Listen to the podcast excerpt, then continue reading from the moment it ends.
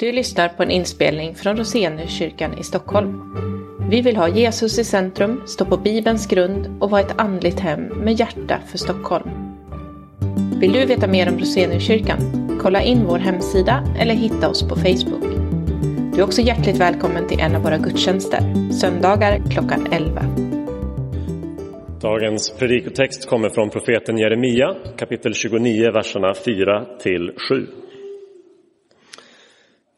Så säger Herren Sebaot, Israels Gud, till alla de fångar som jag har låtit föra bort från Jerusalem till Babel. Bygg hus och bo i dem. Plantera trädgårdar och ät deras frukt.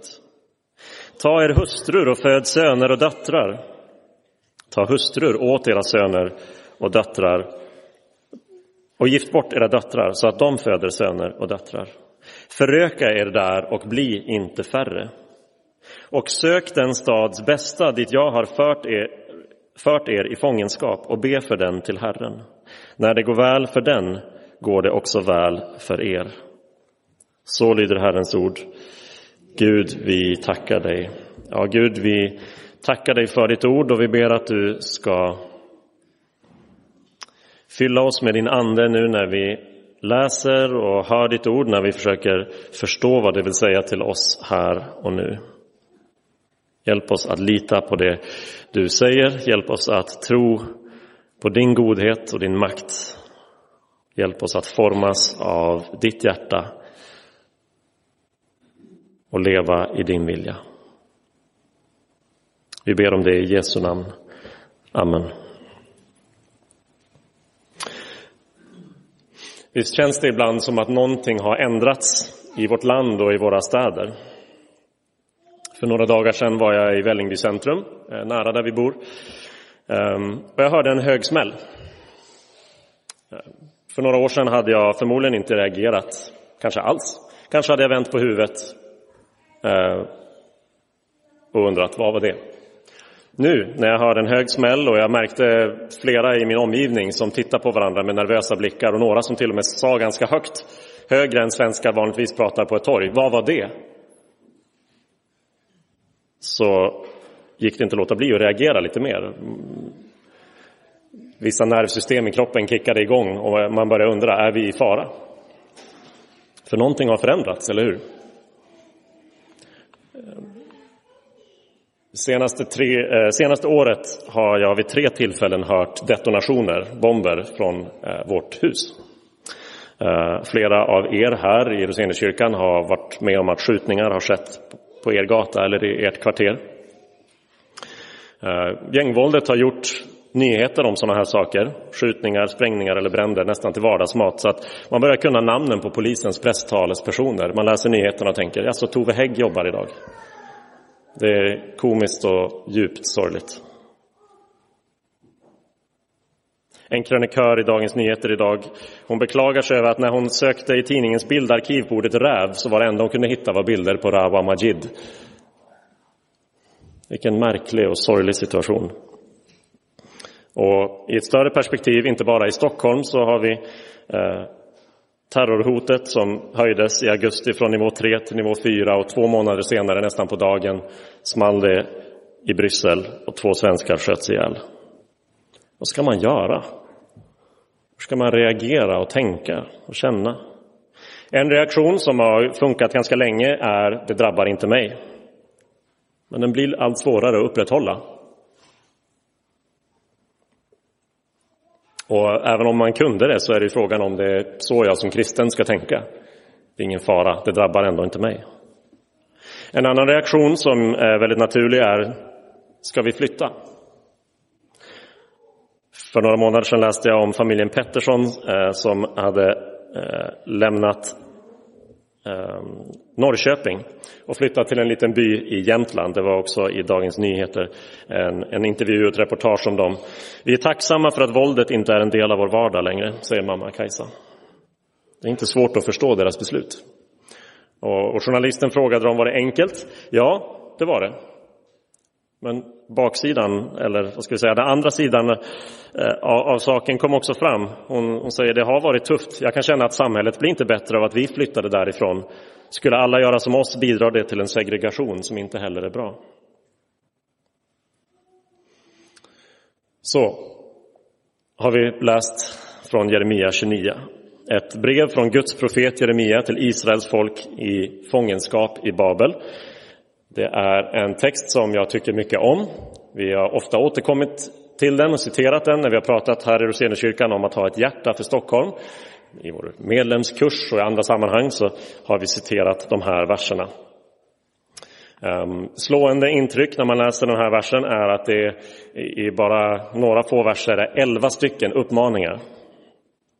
Och man skulle kunna eh, det skulle kunna utveckla sig till ett slags skräckscenario där elva uppmaningar kommer från den som står här och liksom lägger det på, på er. Ehm, jag tycker mycket om den här texten men jag tycker inte den är enkel för det.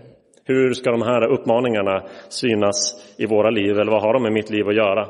Så ta det inte som elva uppmaningar från mig, som om jag visste hur ska vi leva ut det som texten talar om. Men låt oss tillsammans lyssna på det och se om Gud har något att säga till oss om vad det här med hjärta för Stockholm skulle kunna betyda i ljuset av den här texten. För när vi säger att vi vill ha hjärta för Stockholm så menar vi väl inte bara att vi liksom klickar gilla på Stockholm för att den har, Stockholm har fina byggnader eller omgiven av vatten eller att det finns så mycket spännande och coola människor och möjligheter här. Allt är ju sant. Men att ha hjärta för Stockholm är att vi vill genuint bry oss och älska vår stad även när det är svårare.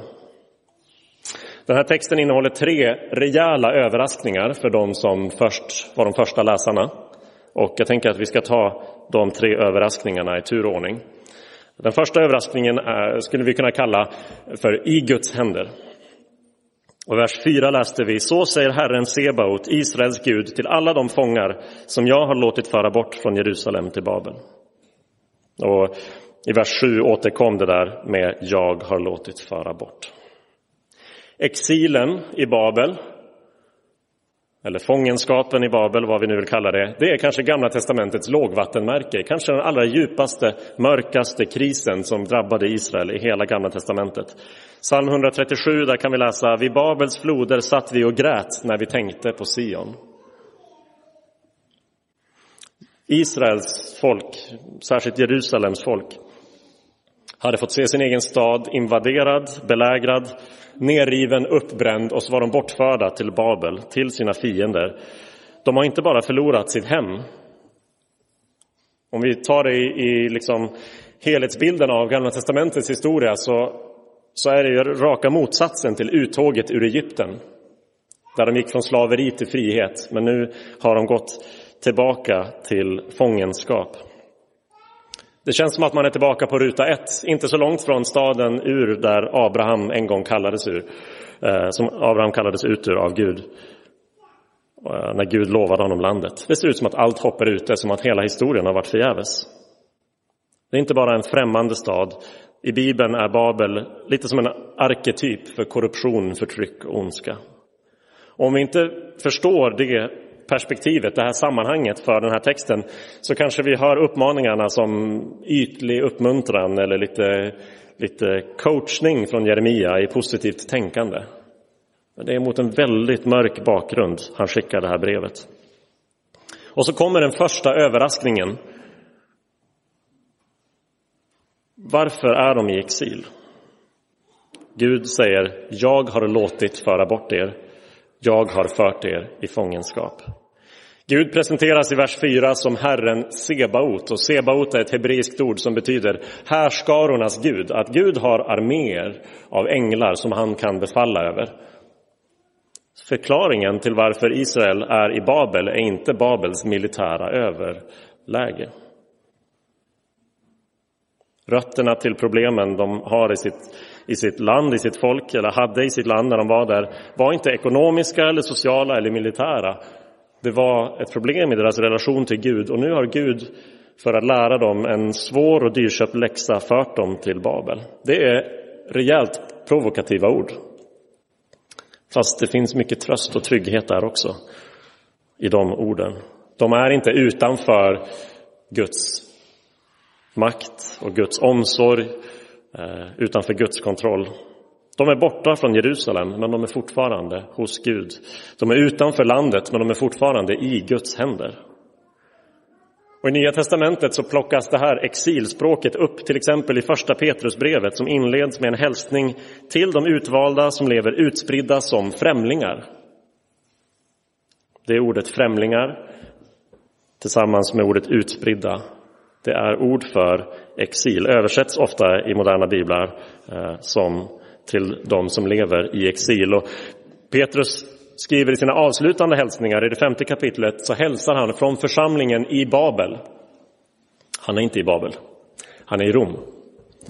Eh, men när han tänker på hur Rom är så inser han att de kristna i Rom levde under samma villkor som Israel gjorde i Babel. Och så är det att vara kristen i en storstad. Åtminstone så kan det ofta vara. Som att leva i exil. Att leva under svåra, kanske rent av fientliga omständigheter. Antingen specifikt för att man är kristen eller bara för att det är en otrygg plats generellt. Och precis som Israel i fångenskapen i Babel så antar jag att Petrus och hans eh, vänner i församlingen i, i Rom som kändes som Babel ibland kunde önska jag önskar att jag inte behövde leva här och nu. Och då kommer man ju osökt att tänka på det lilla samtalet som Frodo och Gandalf hade under vandringen. När Frodo upptäckte att han är indragen i någonting som han inte har någon kontroll över, inte har fått ha något att säga till om. Och så säger han, jag önskar att det inte hade hänt i en tid som min. Jag önskar att det hade hänt i en annan tid. Och Gandalf svarar, det gör jag med. Och det gör alla som lever under sådana tider. Men det är inte upp till dem att råda över det. Allt vi har att råda över är vad vi ska göra med den tid som har getts oss.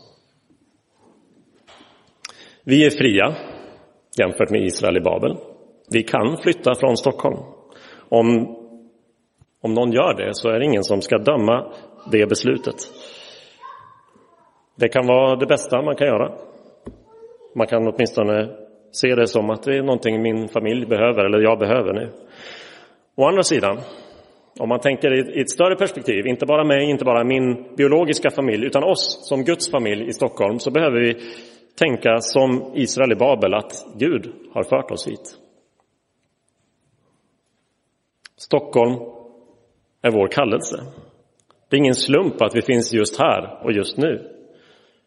Gud har sänt oss hit. En del av oss har han sänt hit för en kortare tid, kanske en studietid eller eh, en del av ens arbetsliv eller något sådant. Andra har han kanske sänt hit hela livet. Så för oss som kyrka så behöver vi se att vi behövs här. Gud har fört oss hit. Men vad vill Gud ha oss till här i den här staden? Ja, där kommer den andra överraskningen i texten. Vi skulle kunna sammanfatta den med ordet investera. Om vi läser i vers 5 och 6.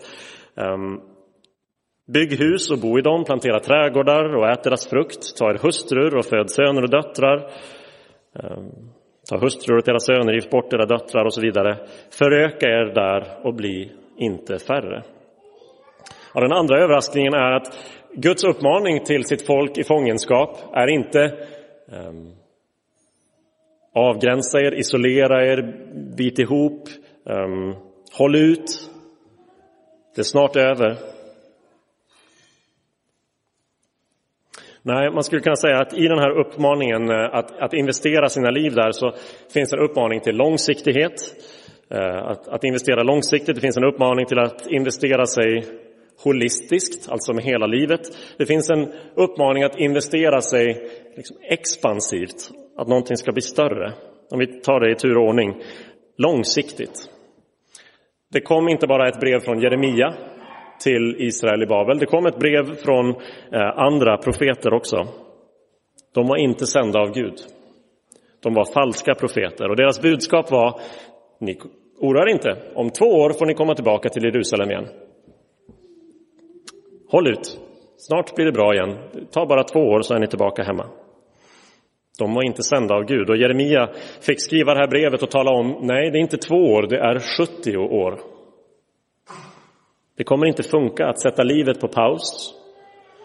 att isolera er och, och bara vänta på att tiden ska gå. Nej, ni ska investera er långsiktigt på den här nya platsen. Sätt inte livet på paus. Och så ska de investera sig holistiskt, holistiskt det är svårt att säga. Ehm, um, hela, de ska leva hela sina liv där i Babel. Det är elva uppmaningar sa vi. Bara en av dem är vad man skulle kunna kalla för andlig, om man nu vill dela upp saker i andliga och inte andliga, det ska man inte. Men om man var tvungen så skulle man säga att ett, en av uppmaningarna är att be, men alla de andra är helt vanliga, jordnära, fysiska, sociala, ekonomiska aktiviteter. Bygg hus. Plantera träd. Det är långsiktigt. Du kommer inte få skörda frukten året efter. Det är en ekonomisk investering, det är en långsiktig investering, det är en estetisk investering, för det är fint när det finns fruktträd i en stad, eller hur? Satsa, planera, genomför och njut. Ät av frukten. Och så ska de investera sig expansivt, föröka er, säger Gud till sitt folk i Babel, med samma ord som han sa till de första människorna i Första Mosebok 1.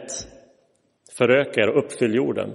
Till och med när det skulle vara så lätt att tänka att mitt liv är över, det var inte här jag ville bo, det var inte så här jag ville att mitt liv skulle se ut, så påminner Gud om skapelseuppdraget. Bygg ett samhälle, bygg en kultur, bli fler. Tänk på nästa generation. Gift bort era barn, bygg familjer, bygg Ja, expandera, bli fler, inte färre. Samma uppmaning har vi fått eh, som kristna i Nya testamentets tid.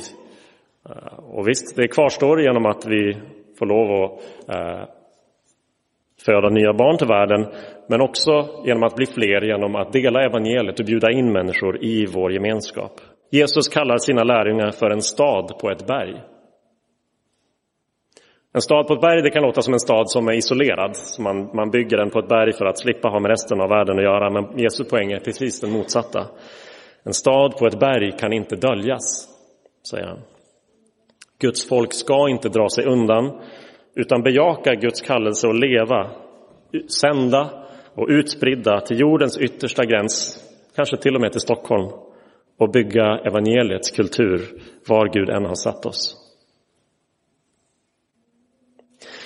Jag tycker att ett sätt att, att, sätta ord på, jag kan inte minnas om jag specifikt ordagrant har läst det, men antingen har jag gjort det eller så har jag bara tolkat det så här. En reaktion på, på liksom tillståndet i Stockholm och i vårt land just nu är, jag känner mig inte hemma här längre.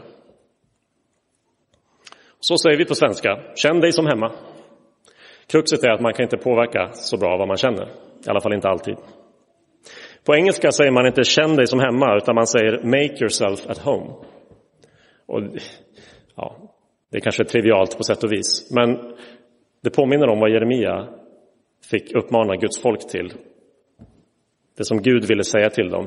Ni kanske inte känner er som hemma just nu, för ni är inte hemma. Men ni kan göra er ett hem här.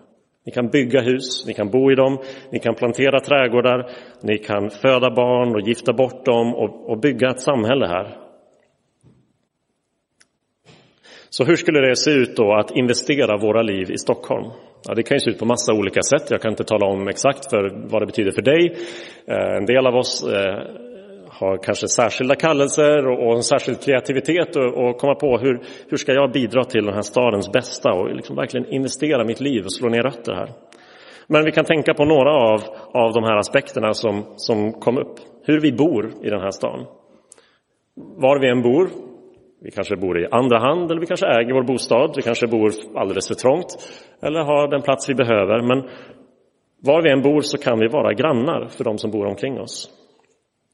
Vi kan skapa trygghet i området eller kanske bara på våningsplanet. Lära sig namnet på några som bor i ens hus eller på ens gata. Se om någon är gammal, behöver hjälp, eller någon som är sjuk som kanske behöver hjälp, eller något annat behov som verkar finnas i mitt område. Även om jag inte startar stora projekt eller engagerar mig ideellt i organisationer så kan jag vara en sån där granne som gör området lite tryggare. Åtminstone jämfört med motsatsen. Eller tänk på våra arbeten. Genom våra arbeten, bara genom det vi vanligtvis gör, måndag till fredag, tjänar vi Gud och våra medmänniskor. Vi bygger välstånd, vi bidrar till stadens bästa och till stadens hälsa. Det är bra att just ni jobbar och studerar här i Stockholm.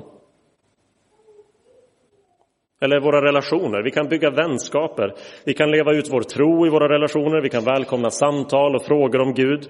Eh, vi kan välkomna djupa samtal som kanske inte kommer in på området tro och, och så, men som ändå bidrar till att människor känner sig sedda och mår bättre.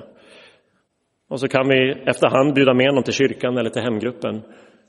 Vi kan vara med och, och bygga upp och bevara det sociala, liksom, den sociala väven som är så viktig för ett samhälle.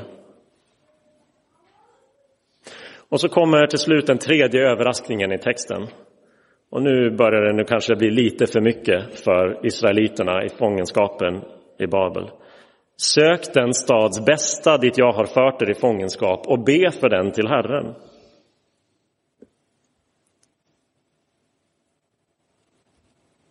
Menar han det? Staden som de hade blivit bortförda emot sin vilja, ska de söka den stadens bästa? Ska de be för den? Ja. Ordet som översätts bästa, det är det hebreiska ordet shalom. Det är ett så heltäckande ord för välgång, för det gemensamma bästa i samhället. Hälsa, frid, samhörighet, blomstring. Som kristna i en stad så ska vi inte sikta lägre än vad andra människor gör, utan högre. Vi vill ha allt det här, det konkreta, det sociala, det jordnära, välgången. Men i Bibeln är verklig shalom också bara möjligt när man har en återupprättad relation till Gud. Gud är den som skapar shalom. Det här är det vi är kallade att verka för i vår stad. Och det beskrivs på två sätt. Eh, genom att söka det och att söka det är en, en avsiktlig, ivrig, nyfiken strävan. Man vet inte vad det är, man vet inte exakt hur det ska gå till, men man letar efter det, man söker efter det. Så man, man studerar. Man studerar till socionom för att förstå sociala samband och hur man bryter cykler av våld och missbruk. Eller man, man studerar hur man bygger en hållbar bro eller vart man ska sätta gångställen, övergångsställen så att de är säkra för barn på väg hem från skolan. Eller man, man planterar träd och funderar på hur mycket kan den här regnbädden absorbera så att det inte blir översvämning i våra, i våra vattensystem? Eller man, man undrar hur kan jag bäst uppfostra och undervisa barn i förskolan och skolan så att de blir ansvarstagande, vänliga personer i samhället? Hur kan jag motverka ensamhet och segregering? Kan jag visa gästfrihet mot någon? Man söker man utforskar, man lär sig och strävar efter. Men, men så kommer också ordet be. Vi siktar inte lägre än det som alla andra människor siktar på i stadens välgång. Vi vill allt det. Vi siktar högre däremot. Vi vill att stadens bästa ska ske som ett resultat av att människor ska få en återupprättad relation till Gud. Ordet, uppmaningen att be för den handlar om att, att liksom gå emellan och vädja för, att representera vår stad inför Gud. Precis som vi också i vår evangelisation och vår gudstjänst representerar Gud inför vår stad. Vi står där med Gud på ena sidan och Stockholm på andra sidan. Och så ber vi till Gud, förbarma dig över vår stad, som är i risigt skick emellanåt just nu. Och så står vi inför Stockholm och säger, vänd om, kom tillbaka till Gud. Israel kallades att göra allt det här för sina fiender och jag tänker mig att det måste ha varit rätt stötande. Ska vi bygga en stad åt dem som rev och brände upp vår stad? Det är kanske inte det man vill höra Gud säga. Men det är inget mindre än en försmak av evangeliet. Evangeliet om hur Gud har agerat mot oss. För Jesus gick i exil. Han kom till vår värld inte för att han var tvungen. Nej, han lämnade sitt hem hos Fadern, inte för att någon tvingade honom, utan han gjorde det av kärlek till oss. Och Jesus älskade staden, i hans fall Jerusalem. Men det som skulle vara det som borde vara hans huvudstad. Han är Messias, Guds kung. Han borde välkomnas in med röd matta och få regera i ett vackert palats i Jerusalem. Men de drev ut honom utanför stadsmurarna och korsfäste honom där. Och Jesus älskade och grät för och förlät Jesus i alla fall. Och Jesus uppstod. För Gud är starkare än våldet, hatet, synden, döden och djävulen. Och en dag är det det där som ska ut, utanför stadsmuren. Och i det nya Jerusalem, i staden som kommer ner från himlen, så råder shalom. Mänskligt liv i all sin fullhet ska få blomstra där tack vare att mänskligheten lever i en upprättad relation till Gud. Jesus investerade hela sitt liv och gav bort det. Han höll ingenting tillbaka medan vi fortfarande var syndare och fiender till Gud. Så när vi har svårt att bry oss om, när vi har svårt att älska vår stad, när vi bara vill fly eller avtrubba oss, så får vi gå till Jesus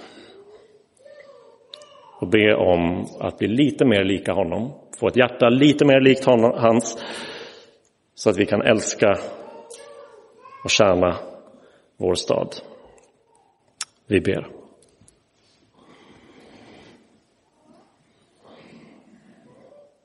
Ja, Gud, elva uppmaningar är lite mer än vi kan bära kanske. Såvida vi inte förstår att du har gjort allt det här för oss redan. Såvida inte våra hjärtan formas till att likna ditt. Såvida vi inte förstår vad det kostade dig Jesus att älska oss. Att ge oss en plats i den där staden som inte behöver stänga sina portar om natten, där ingen behöver vara rädd. Tack Jesus för att du kom till vår värld och utplånade fiendskapen mellan oss och Gud genom att dö för våra synder på korset och uppstå och ge oss din rättfärdighet. Nu ber vi dig om hjälp att här i vår stad leva av din kärlek men inte hålla den för oss själva utan ge den vidare. Ge oss kraft och ork när staden skrämmer oss eller eh, irriterar oss, stressar oss. Ge oss kraft att se människor och älska dem, att bo och arbeta och bygga och investera våra liv här dit du har sänt oss. Bevara vår stad och vårt land från det onda och från dem som vill oss illa. Och hjälp oss vara de som är med och skapar fred och frid som i något litet hörn av den, din värld där du har satt oss bidrar till shalom. Och hjälp oss att, att inte bara göra det på, på ett socialt, på ett relationellt och, och liksom världsligt sätt. Hjälp oss att också be för och, och dela evangeliet med människorna omkring oss. Så att fler får upptäcka dig och få komma hem till dig här i vår stad. För allt det här behöver vi din hjälp Jesus. Tack för att du är med oss och går före oss.